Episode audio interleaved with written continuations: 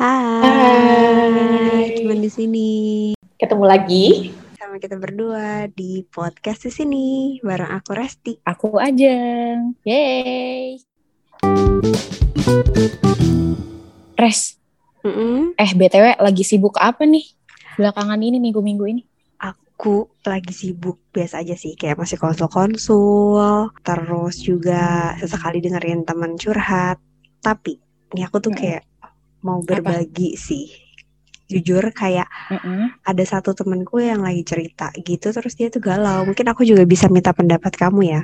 Jadi si temenku tuh mm -hmm. punya pacar, tapi dia tuh kayak lagi ngerasa capek banget gitu loh karena selalu berusaha nurutin hmm. apa kata pacarnya. Terus misalnya nih hmm. pacarnya minta ditemenin kerja di kafe pas lagi weekend. Kebayang gak sih kayak dia juga kan kerja hmm. nih. Mungkin pas weekend pengennya goler-goler di rumah tapi di satu sisi ya dia juga kayak merasa itu tuh uh, tanggung jawab dia gitu loh sebagai seorang pacar gitu. Jadi ya dia juga nggak berani nolak. Um, jadi ada dilema deh. Okay. di satu sisi mau tanggung jawab sebagai pacar tapi di satu sisi ya dia juga takut kali ya kerja kerja di kafe pandemi masih tinggi gini. Hmm, hmm, hmm, ini kayaknya orangnya nggak enakan banget ya si ceweknya teman kamu ini Iya iya banget terus kayak aku kayak gimana ya bingung juga cara kasih taunya. Iya iya iya iya iya. Ya.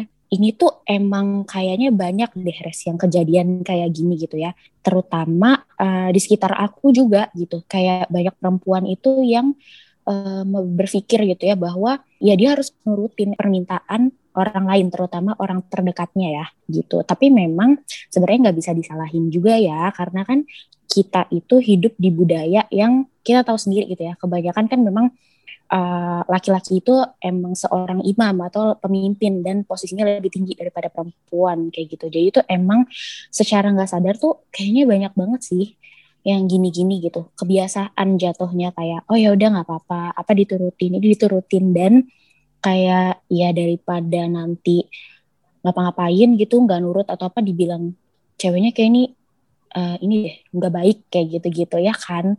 Dan yang jarang dilakuin itu ya emang itu. Kita tuh nggak nggak biasa mengkomunikasikan kepada mereka atau kepada pasangan kita tuh tentang kebutuhan kita sendiri gitu kan. Hmm. kayak tadi deh teman kamu kayak dia segitunya oh ya udah deh nggak apa-apa. Ya mungkin emang dalam hubungan pacaran ya kalau itu dilakukan berulang-ulang terus menerus kayaknya itu tuh yang udah mulai bikin capek gitu-gitu kali ya. Kalau sesekali ya nggak apa-apa mungkin emang itu harus dilakukan ya ketemu sama pacar masa nggak ketemu gitu kan. Tapi ya itu tadi kalau udah biasa kayaknya ini deh kayak lebih nggak enak gitu jadinya ya. Eh tapi ya ngomong-ngomongin nih kalau masalah mengomunikasikan pendapat nih, aku punya temen deh. Kayaknya aku personally tuh apa ya, amazed bukan amazed apa ya, personally res, personally respect banget sama dia. Karena menurutku dia tuh bisa deh menyampaikan pendapatnya meskipun pendapat itu tuh beda. Kita ajakin dia ngobrol aja kali ya. Oh, Mau boleh gak? dong, kita bahas seru banget. Oke deh kalau gitu. Nih aku kenalin. Eh tapi kamu juga kenal loh sebenarnya teman kita ini. Ini teman kita sebenarnya ya. Ya udah deh. Kita panggilin aja. Kita telepon dulu. Al.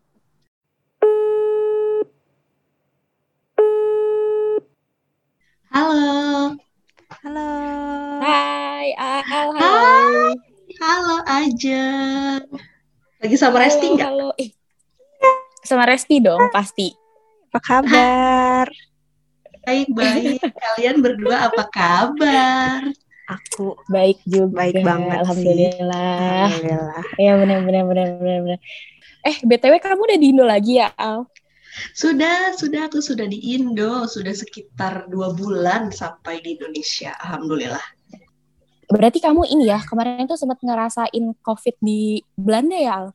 Sempat sempat uh, syukurnya uh, setelah ada lockdown, artinya kan di sana kan hmm. sebenarnya waktu aku di sana nggak pernah hard lockdown gitu, selalu uh, semi lockdown. Hmm. Itu kelasku sudah selesai semuanya, uh, terus cuma kelas terakhir aja yang merasakan online, tapi sisanya sih belajar di kelas. Hmm.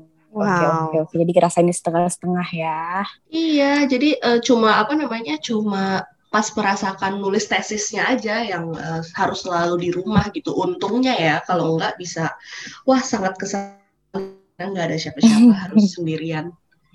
Gimana iya. gimana? Jadi tuh sebenarnya uh, Ajeng dan aku menghubungi itu sebenarnya kayak pengen ngajak ngobrol sih sama mungkin sekalian kita tuh kayak udah lama banget kan gak ngobrol dan hmm. kebetulan ini ada satu uh, mungkin ada satu cerita kali ya dari temenku nih temenku yang uh, seorang perempuan yang dia tuh susah banget gitu loh uh, Al buat kayak menyampaikan keinginannya Oke. Okay. Uh, jadi kayak apa yang diturut apa yang diminta pacarnya tuh dia kayak selalu nurutin. Kayak meskipun sebenarnya itu tuh kayak nggak sesuai sama apa yang dia mau. Dan hmm. akhirnya dilema karena di satu sisi kayak ya dia merasa itu ada responsibility sebagai pacar, tapi di satu hmm. sisi ya dia juga kan human being yang juga punya kebutuhannya sendiri ya, gitu. Betul betul betul. Wah, Terus nah, kalian menghubungi aku kenapa nih? Kenapa nih? Ini dia, ini dia. Nah, jadi menurutku ya, uh, sebenarnya aku kita tuh sebenarnya teman lama ya Al. Uh, dulu mm. kita S1 bareng di kampus, mm. meskipun beda kelas, tapi beberapa mm.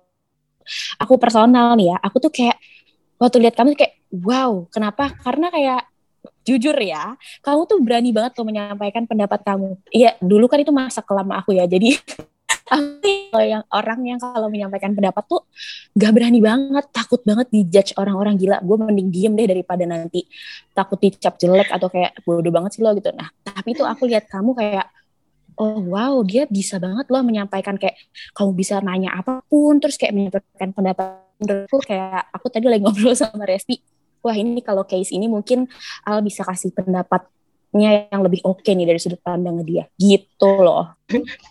Iya iya aku uh, notice sih bahwa aku punya uh, behavior beda soal menyampaikan pendapat. Uh, dan jangan dikira aku hmm. tidak punya ketakutan-ketakutan aku sendiri gitu. Jadi uh, I've been hmm. there juga uh, merasakan kalau misalnya aku ngomong nanti orang mikir apa ya gitu.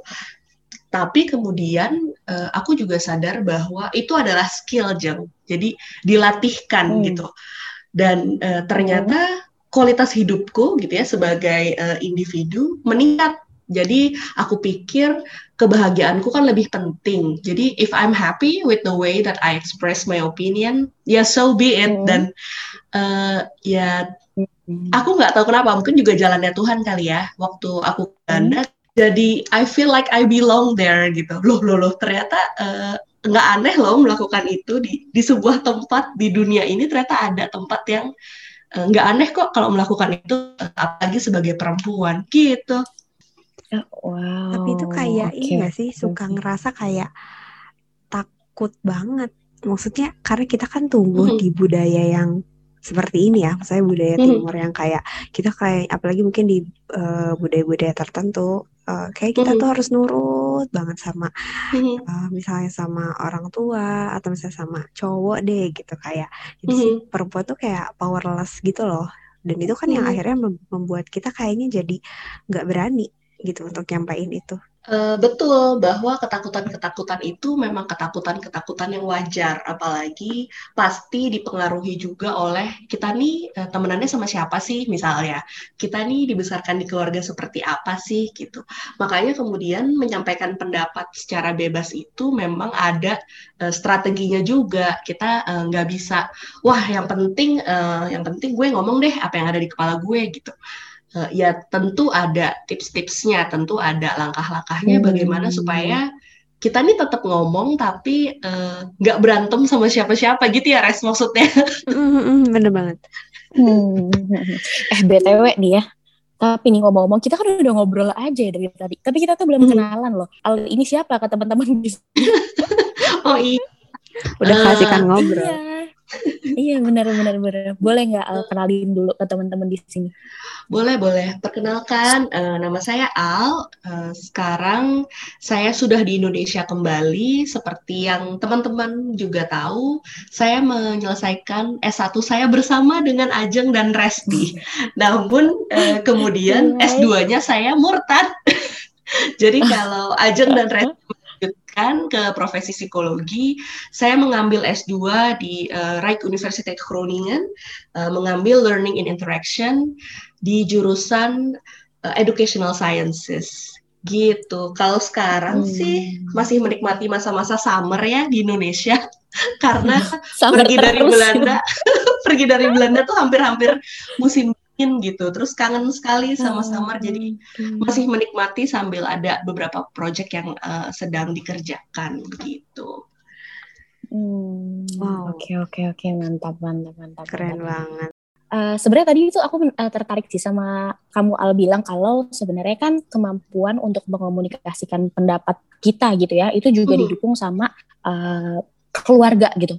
Jadi Betul. kayak teman-teman di sekitar dan keluarga juga hmm. itu gimana sih boleh diceritain gak sih Al kalau dari kamu sendiri biasanya temenannya masih apa terus di keluarga kamu gimana gitu? uh, iya, uh, aku dibesarkan di keluarga yang uh, tidak terlalu tradisional gitu. Uh, mamaku hmm. bekerja uh, di industri di mana uh, teman-temannya memang kebanyakan laki-laki.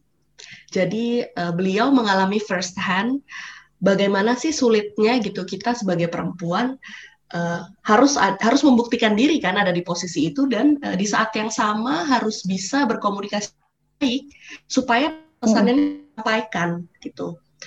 Uh, jadi ya hmm. aku banyak belajar dari beliau uh, juga kemudian uh, aku sempat bekerja terus mengalami juga sulitnya gitu ya uh, ada di sebuah meeting terus kebanyakan yang hadir laki-laki yang posisinya lebih tinggi pengalamannya lebih banyak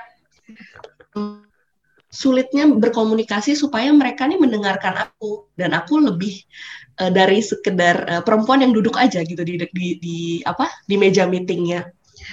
Uh, di ruangan meetingnya hmm. sorry. jadi ya banyaklah yang harus dilakukan. Hmm, misalnya dengan pertama menyadari dulu bahwa kita lu kita tuh boleh loh ngomong. Karena banyak uh, dari kita belum nih ngomongnya. Baru uh, konflik di pikiran ngomongin gak ya?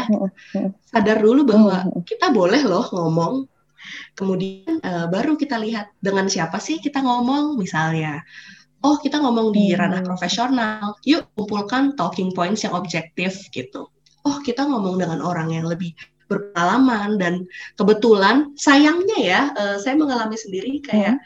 secara profesional eh, laki-laki uh, dan perempuan itu memang uh, ada perbedaan gitu kalau di sini karena di Belanda juga sempat uh, internship, sempat bekerja punya coworker dan budaya kerjanya sangat beda sekali. Uh, jadi aku juga belajar uh, bagaimana sih cara menyampaikan uh, saran atau bagaimana sih cara menyampaikan opini supaya kita tuh tetap dengar, misal didengar misalnya dengan uh, kita sebutkan dulu nih hal-hal yang baik gitu dari lawan bicara kita. Kita sebutkan dulu nih kayak kenapa kok dia itu memang Hmm, pantas diberikan respect atau didengar baru kemudian kita jelaskan bahwa ada loh poin-poin yang mungkin bisa ditambah, ada loh input-input yang saya bisa berikan gitu. Wah, eh, itu dan itu jujur bagiku personal sangat melelahkan rest dan jam gitu. Uh, I'm a very direct person. Uh, especially in professional ini ya, in professional context ya. Jadi hal-hal kayak hmm. gitu tuh menurutku tadinya di meeting tuh aku cuma harus punya harus spend energi tiga gitu ya gara-gara hal itu aku jadi harus spend you know, uh, lima kali gitu yeah. tapi itu sebenarnya jadi kayak kebayang sih mungkin kalau yang aku personal alami adalah ketika kita menyampaikan pendapat kan kita tuh selalu takut dijudge. Jadi akhirnya kita lebih memendam. Dan sering kali ada orang-orang yang memang direct itu tuh kayak langsung menyalahkan atau langsung kayak menyanggah gitu loh. Kayak mungkin akhirnya bisa nggak sih kayak akhirnya tuh itu tuh bisa menimbulkan potensi konflik juga. Apalagi kalau misalnya kita punya lawan bicara yang uh, sumbu pendek. Betul betul uh, dan uh, sepanjang hidupku aku memang mengalami gitu. Paling yang bisa dilakukan kalau kita kan nggak bisa mengatur ya kita ber, uh, orang itu akan berespon seperti apa. Kita cuma bisa mengatur uh, kita memberikan uh, trigger seperti apa gitu. Kita tuh berbicara seperti apa. Paling yang bisa aku uh, lakukan adalah aku akan jauh lebih berhati-hati gitu satu. Yang kedua kalau memang kemudian terjadi konflik, uh, aku akan mengakui. Jadi maaf ya. Uh, saya tidak bermaksud Pak atau maaf Pak, uh, saya tidak bermaksud uh, menyinggung Bapak. yang saya ingin uh, ungkapkan sebenarnya ini. Mungkin cara saya kurang berkenan. Sekali lagi saya minta maaf karena ya gimana ya kadang-kadang ada hal-hal yang kita harus ungkapkan gitu. Misalnya bisa kalau tidak diungkapkan bisa menimbulkan kerugian atau kalau tidak diungkapkan bisa menimbulkan sesuatu yang berbahaya. Tapi kalau kemudian mengungkapkan itu terus mengundang konflik, ya sudah gitu. Karena memang harus dilakukan, ya setelah itu eh, dengan besar hati kalau aku sih yang aku lakukan aku akan minta maaf gitu. Hmm. Iya sih benar banget karena sebenarnya nggak ada yang salah dengan minta maaf ya nggak sih kayak lo betul, minta betul. maaf tuh bukan berarti kayak lo lemah gitu area lo mengakui bahwa mungkin ya ada hal yang kurang tepat dan lo paham gitu loh yang kurang tepatnya tuh di mana. Hmm. Ngomong-ngomong, ini kan tadi uh, Al udah kasih case nih bahwa uh, ini dari pengalamannya Al berkomunikasi dengan orang lain menyampaikan pendapat kamu gitu ya itu ada betul. di uh, sama orang-orang Indonesia katakanlah gitu betul, ya waktu kerja di Indonesia gitu. Iya. Nah uh, uh, mungkin tadi sih sebenarnya kamu udah bilang nih yang uh, aku penasaran juga gitu ya kamu bilang mm -hmm. kayak di Belanda tuh kayaknya beda deh cara ngomongnya dan kamu ada ya kamu pelajari juga gitu cara komunikasi di sana. Emang cara komunikasi di sana tuh gimana sih? Wah. Uh Gini, aku juga ternyata baru tahu ya setelah aku sampai karena aku juga bukan tipe orang yang oh mau belajar di Belanda nih lihat dulu ah uh, culture-nya seperti apa enggak. Aku kan uh, ya udah uh, kalau misalnya sudah sampai sana pasti nggak kenapa-napa gitu karena I feel like uh, aku punya kemampuan uh, apa untuk adjust tuh ya cukup oke okay lah self assessment nih. Terus mm. setelah sampai di sana kemudian aku harus mengalami uh, culture shock karena aku baru tahu hmm. orang Belanda itu sangat terkenal dengan eh, orang-orang yang direct. Jadi kalau uh, Resti dan melihat hmm. Resti dan gitu ya melihat aku sebagai orang yang direct, di sana tuh mereka menganggap aku sebagai orang yang sangat tidak direct. Wow. Jadi beberapa kali beberapa kali aku berkomunikasi mereka bilang gini, "Al, uh, give us your point gitu. Don't beat around the bush gitu ya. Dia bilangnya jangan jangan muter-muter kalau di sini ngomongnya. Lu mau ngomong apa hmm. sih? Aku tuh cukup sering dibegitukan di bulan-bulan pertamaku di Belanda. Karena uh, mereka meskipun direct eh, nggak uh, baperan gitu. Jadi di meeting sangat mungkin sekali kalau ada orang bilang I think I think your idea stinks gitu. Kayaknya ide lu jelek banget cuman ya setelah itu kita uh, oh, wow. ya ngobrol lagi gitu ngafe lagi. Nggak ada nggak ada tuh hal-hal seperti itu membuat uh, tersinggung. Jadi ya aku kemudian juga belajar bahwa oh ternyata bisa loh gitu kita mengungkapkan sesuatu uh, yang kemudian tidak menyakiti hati orang lain. Dan bisa juga loh kita tuh merespon sesuatu tanpa merasa sakit hati. Karena itu juga kan yang terjadi dengan aku. Misalnya kalau mereka bilang uh, I think your writing uh, I think your writing is uh, nggak pokoknya nggak memenuhi standar gitu wah aku bisa tersinggung sekali gitu ya. Hmm. Cuman mereka ngomong kayak gitu karena uh, ya memang betul menurut mereka tulisannya tidak memenuhi standar dan setelah itu nothing happen. They don't say that I'm stupid. Mereka tuh lagi ngomongin tentang uh, writing aku gitu misalnya. Dan uh, ini terjadi ini terjadi ke banyak hal res dan jeng karena cerita-cerita gitu ya kebetulan aku punya uh, cukup banyak teman uh, Belanda. Cerita-cerita ini lucu temenku tuh ada yang malah pernah uh, tantenya. Jadi tante tuh dalam bahasa mm -hmm. Belanda tuh juga tante gitu. Uh, tantenya tuh memberikan uh, cindera mata hasil rajutan ke ibunya. Terus dikasih. Terus ibunya bilang gini uh, ini tuh jelek. Aku nggak mau taruh ini di ruang tamu wow. demi apa? Baper banget sih aku kalau di sana pasti. Tapi ya nggak apa-apa terus dibawa pulang lagi sama tantenya kayak oh oke okay, oke okay, nanti aku kasih ke orang lain aja gitu. Wow. Hah? demi ternyata di sana segitu ininya ya kayak ya udah beneran kayak lo berpendapat aja terus karena itu fact tapi itu maksudnya kayak orang juga masih bisa terima sebenarnya gitu iya ya dan, bingung dan lucunya di keluarga apa? juga gitu ya. Iya benar hmm, oke oke iya, iya, oke iya. coba aku juga kayak wah aku kalau ada di posisi kamu saat itu wah jujur udah menangis enggak? Iya, banget ya langsung overthinking.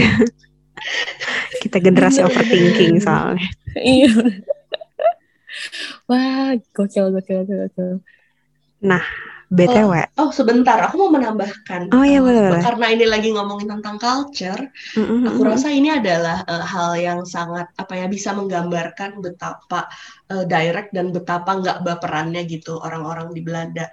Uh, di Groningen tepatnya kita tuh punya uh, ungkapan yang uh, namanya uh, that is geen mind problem that is geen mind problem tuh artinya itu bukan urusan gua gitu. Jadi kalau hmm. misalnya lagi cerita sama teman gitu ya aku pernah cerita sama teman aku terus aku bilang hmm. eh tapi kamu jangan bilang gitu. Ini loh nanti dia marah loh kalau kamu komentarin kayak gitu. Loh tapi kan benar masakannya nggak enak misalnya. Iya tapi kan dia udah buat masa kamu bilangnya harus nggak enak sih? Loh bagus dong biar dia bisa improve lagian kalau dia marah. That is his mind problem. Itu bukan soal persoalan gua gitu. Itu iya. urusan dia kalau dia marah. Jadi ya um. ya memang hmm. sedirect itu gitu. Wah, tapi emang itu tadi ya. culture ya. Bener bener, bener tapi jadi kepikiran deh. Kayak kalau kita balikin lagi nih ke case yang tadi aku ceritain, kalau menurut kamu tuh seperti apa? Uh, aku sih percaya bahwa kalau ini konteksnya berpacaran ya, mm-hmm. kita mm-hmm. pasti ingin uh, disayang dan menyayangi orang dengan apa adanya kita. Dan aku juga percaya bahwa orang yang sayang sama kita tentu ingin memahami kita apa adanya kita. Jadi kalau konteksnya berpacaran, aku sih berpikir bahwa uh, kemampuan atau keleluasaan menyampaikan pendapat, emosi, pikiran itu penting. Karena kalau kita bisa menyampaikannya dengan bebas, maka kita merasa tidak ada lagi yang ditutup-tutupi. Merasa bahwa ya udah, aku tuh ngomongnya nggak suka pecel lele misalnya. Ya aku nggak suka, aku nggak paksa-paksain makan karena kamu suka pecel lele. Bukankah menyenangkan ya kalau misalnya punya hubungan seperti itu? Tapi tapi tidak adil juga res kalau kita bilang oh jadi harusnya semuanya harus bisa dong jujur kayak gitu, gitu. karena aku juga pernah ada di posisi di mana uh, berpacaran dengan orang Indonesia terus uh, ya aku kan ingin menjadi pacar yang baik dong ya gitu. Jadi aku uh, aku ikut deh ke mana pun kamu pergi kayak gitu. Kamu mau makan apa deh? Aku ikut deh gitu misalnya tapi uh, kemudian setelah tinggal di Belanda, aku tinggal di Belanda hampir dua tahun. Hmm, di sana aku sempat juga uh, punya relasi dekat gitu, yang dengan uh, orang Belanda, meskipun uh, kemudian ya tidak berlanjut. Uh, di dalam relasi itu aku menemukan hal yang uh, apa ya tidak pernah aku temukan. Aku uh, meskipun apa ya meskipun kemudian uh, kami tidak punya uh, long term relationship tapi aku bahagia sekali. Karena apa yang aku ungkapkan ke dia tuh ya aku tuh begitu gitu. Dan dia juga nggak meminta aku supaya jadi yang bukan aku. Uh, dia menyampaikannya sangat eksplisit. Aku ingat waktu itu uh, kami bertengkar gitu terus uh, karena aku kayak masalah apa. Terus dia biasa ya namanya kebanyakan laki-laki kan uh, uh, result oriented ya. Jadi dia langsung hmm. menganalisis masalahnya gitu. Kayak loh ya kalau gitu harusnya kamu tadi begini dong. Harusnya kan kamu nggak bilangnya ke si itu tapi kamu begini. Terus aku waktu itu masih masih kalut gitu. Terus aku diem aja. Terus dia bilang kenapa kamu diem? Kamu ngomong dong uh, kenapa? Kamu maunya apa? Gitu. Terus ditanya kayak gitu akhirnya aku bilang Eh, aku maunya kalau aku lagi marah atau lagi upset seperti ini, aku nggak peduli uh, cara menyelesaikannya gimana. Aku cuma mau dipeluk, aku cuma mau diusap-usap punggungnya sampai aku tenang. Terus dia bilang gini loh, oh oke, okay. maaf ya, lain kali aku lakukan. Lalu aku saat itu loh bisa loh ternyata gitu ya. Kayak umur hidupku aku nggak pernah berani misalnya mengungkapkan ke orang yang dekat karena ingin menjadi uh, pacar yang baik gitu. Loh loh loh ternyata bisa loh. Dan memang setelah itu muncul konflik konflik-konflik yang lain yang selesai res dan jeng. Karena ya aku ngomong hmm. dan dia uh, ini aku rasa kreditnya adanya di dia gitu. Dia tuh mendorong aku untuk ngomong. Coba hmm. kamu ngomong karena I want to I want to know you better ya hmm. aduh aku nggak bisa ini sih, bukan nggak bisa move on dari orangnya ya, tapi nggak bisa move on dari bagaimana berkomunikasinya gitu di dalam sebuah relasi. Wah, tapi hmm. ini ini menarik banget sih karena ini tuh sering banget nih kejadian di orang-orang yang berpacaran. Si cewek tuh memaksakan supaya cowoknya tuh paham kodenya dia. Padahal kan iya, bener, tuh bisa bener. menyampaikan ya sih. Iya, iya, iya. Dan akhirnya bahasa apa gitu. Ya? Iya, dan akhirnya karena memang sulit banget nih nyampein pendapat, akhirnya pendapatnya nggak bisa terungkap, akhirnya kan akhirnya sampai ke menggugah emosi tertentu ya. Jadi akhirnya ya hmm. kita juga balik lagi ke culture ya sebagai warga Indonesia nih kayak sering banget mendem, sering banget gak enakan, hmm. sering banget dibilang ini kan marah tuh nggak baik, nggak boleh nangis hmm. lah, jangan cengeng lah. Padahal karena mungkin dipendem terus kitanya bisa jadi uring-uringan.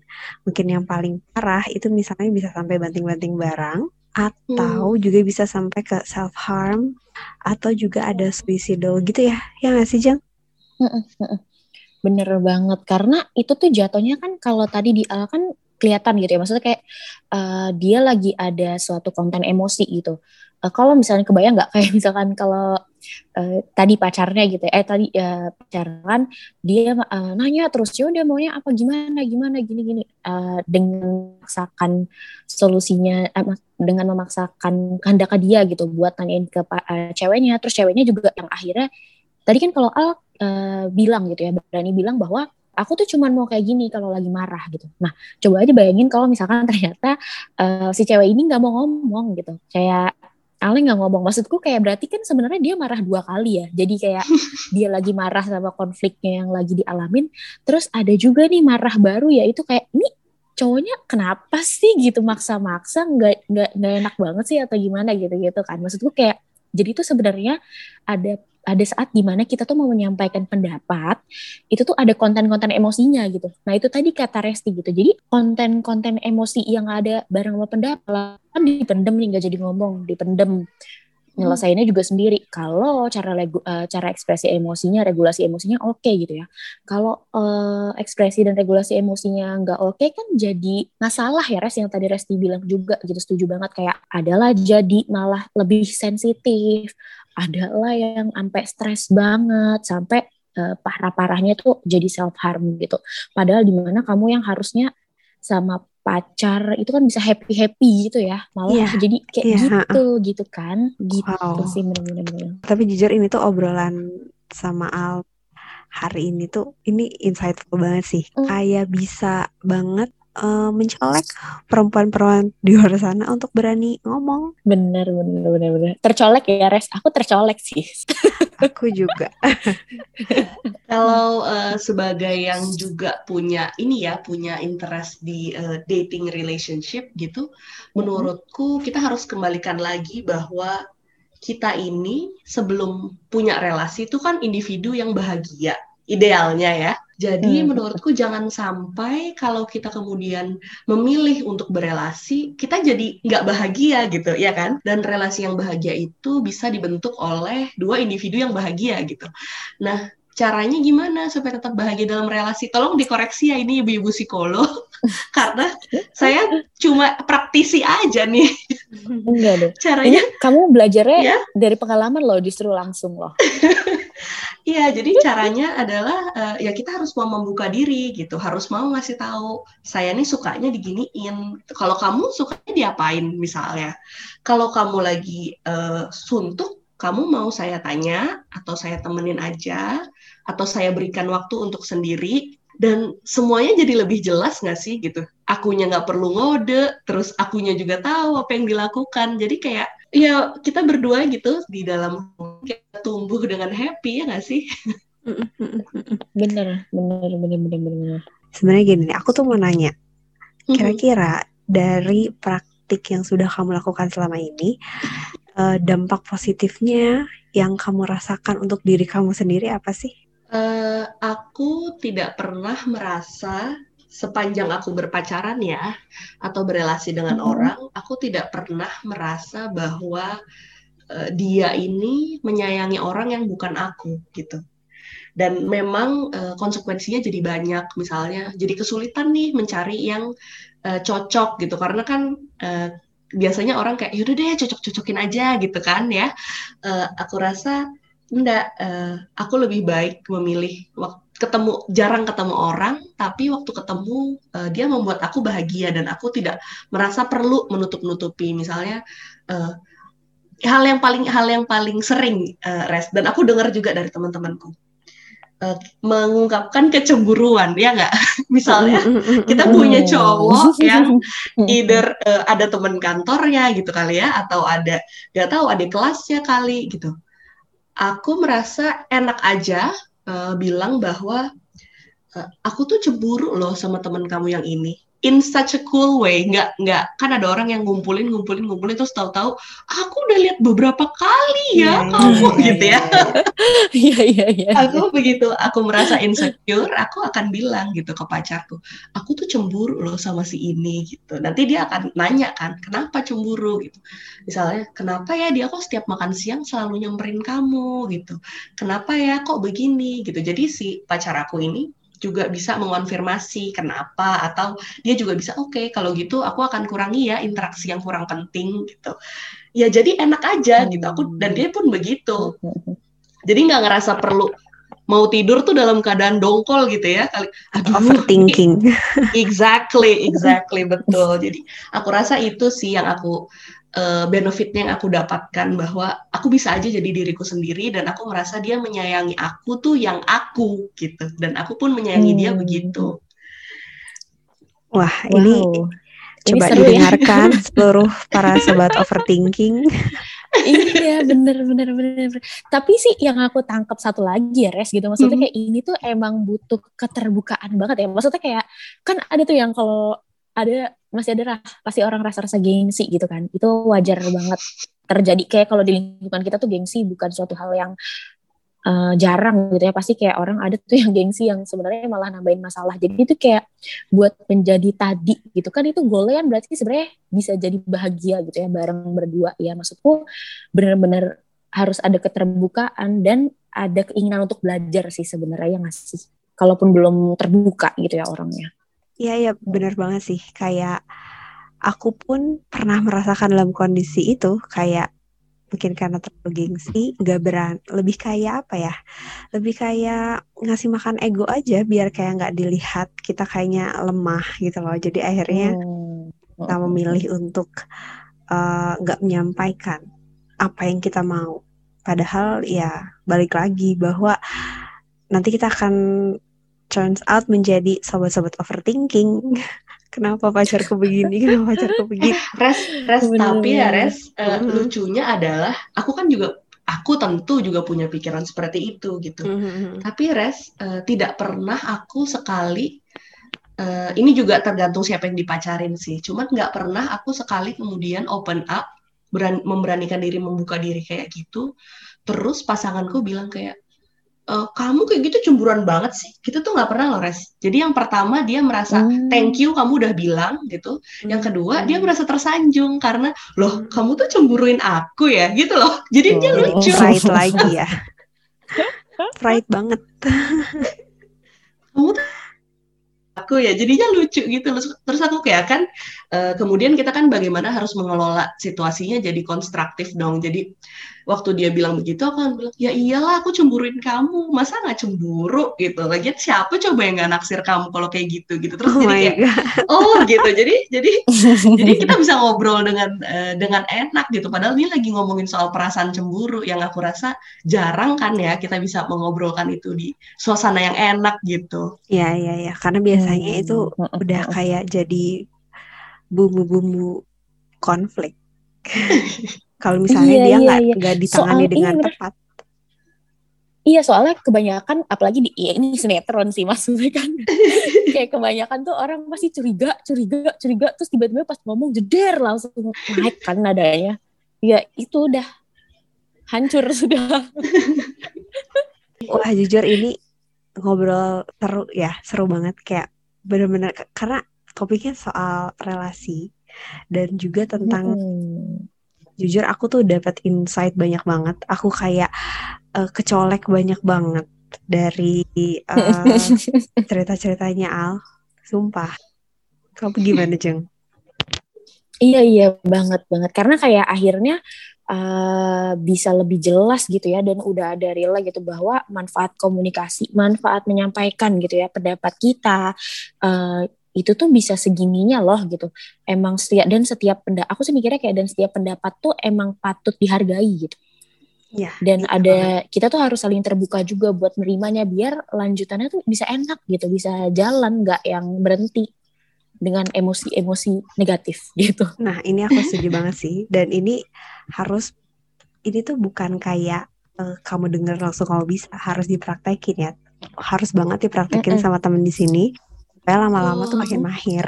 Al tuh tiba-tiba bisa eh, cerita kayak gini bukan dia ngalamin sekali, mungkin dia udah ngalamin beberapa kali ya gak sih? Iya. Mm-mm. berantemnya dari yang eh, berantem beneran gitu ya sampai bisa akhirnya ya ketawa-ketawa kalau ngomongin soal orang yang dicemburuin. Nah, berarti itu tuh kayak Hmm. benar-benar membuktikan bahwa ini semua adalah proses. Jadi kayak tidak ada yang instan, teman-teman. Jadi semuanya harus practice. Betul. Oke deh. Tetap semangat ya. Tetap semangat. Oke. Oke, thank you banget Al udah mau ngobrol sama aku, sama Ajeng Terima juga di kasih. podcast di sini. Iya. Sumpah ini seru banget dan semoga kita bisa ngobrol lagi dan kita bahas topik-topik Ya. yang lebih seru lagi. Oke. Oke. banget. Oke. Thank you sudah mengundang. Sehat selalu, happy Ah, selalu. You too. Hmm, Sama-sama. Bye-bye. Dah. Bye. Bye. Wow, jujur aku senang banget sih aku ngobrol hari ini, Jeng. Kayak benar-benar Mm-mm. banyak informasi yang bisa aku dapetin. Dan seru ya. Maksudnya ini tuh beda banget dari kebiasaan-kebiasaan kita di sini gitu. Mm, Kebiasaan-kebiasaan wanita-wanita Indonesia ini. Semoga teman-teman di sini bisa ikutan terinsight juga ya, Res. Iya, dan bisa perlahan-lahan latihan supaya Eh, akhirnya menemukan cara komunikasinya yang efektif itu seperti apa. Oke. Dan gak ragu-ragu lagi buat nyampein pendapatnya yang pasti. Betul. Wah, ini kita Oke. ngobrol udah lama banget. Kayaknya Iya. segitu dulu untuk episode kali ini. Mm-mm. Kita akan ketemu lagi di episode minggu depan. Masih bareng aku, Oke. Resti. Dan aku aja. Di mana lagi kalau bukan di podcast di sini. Bye. Yeay. Dah. Bye.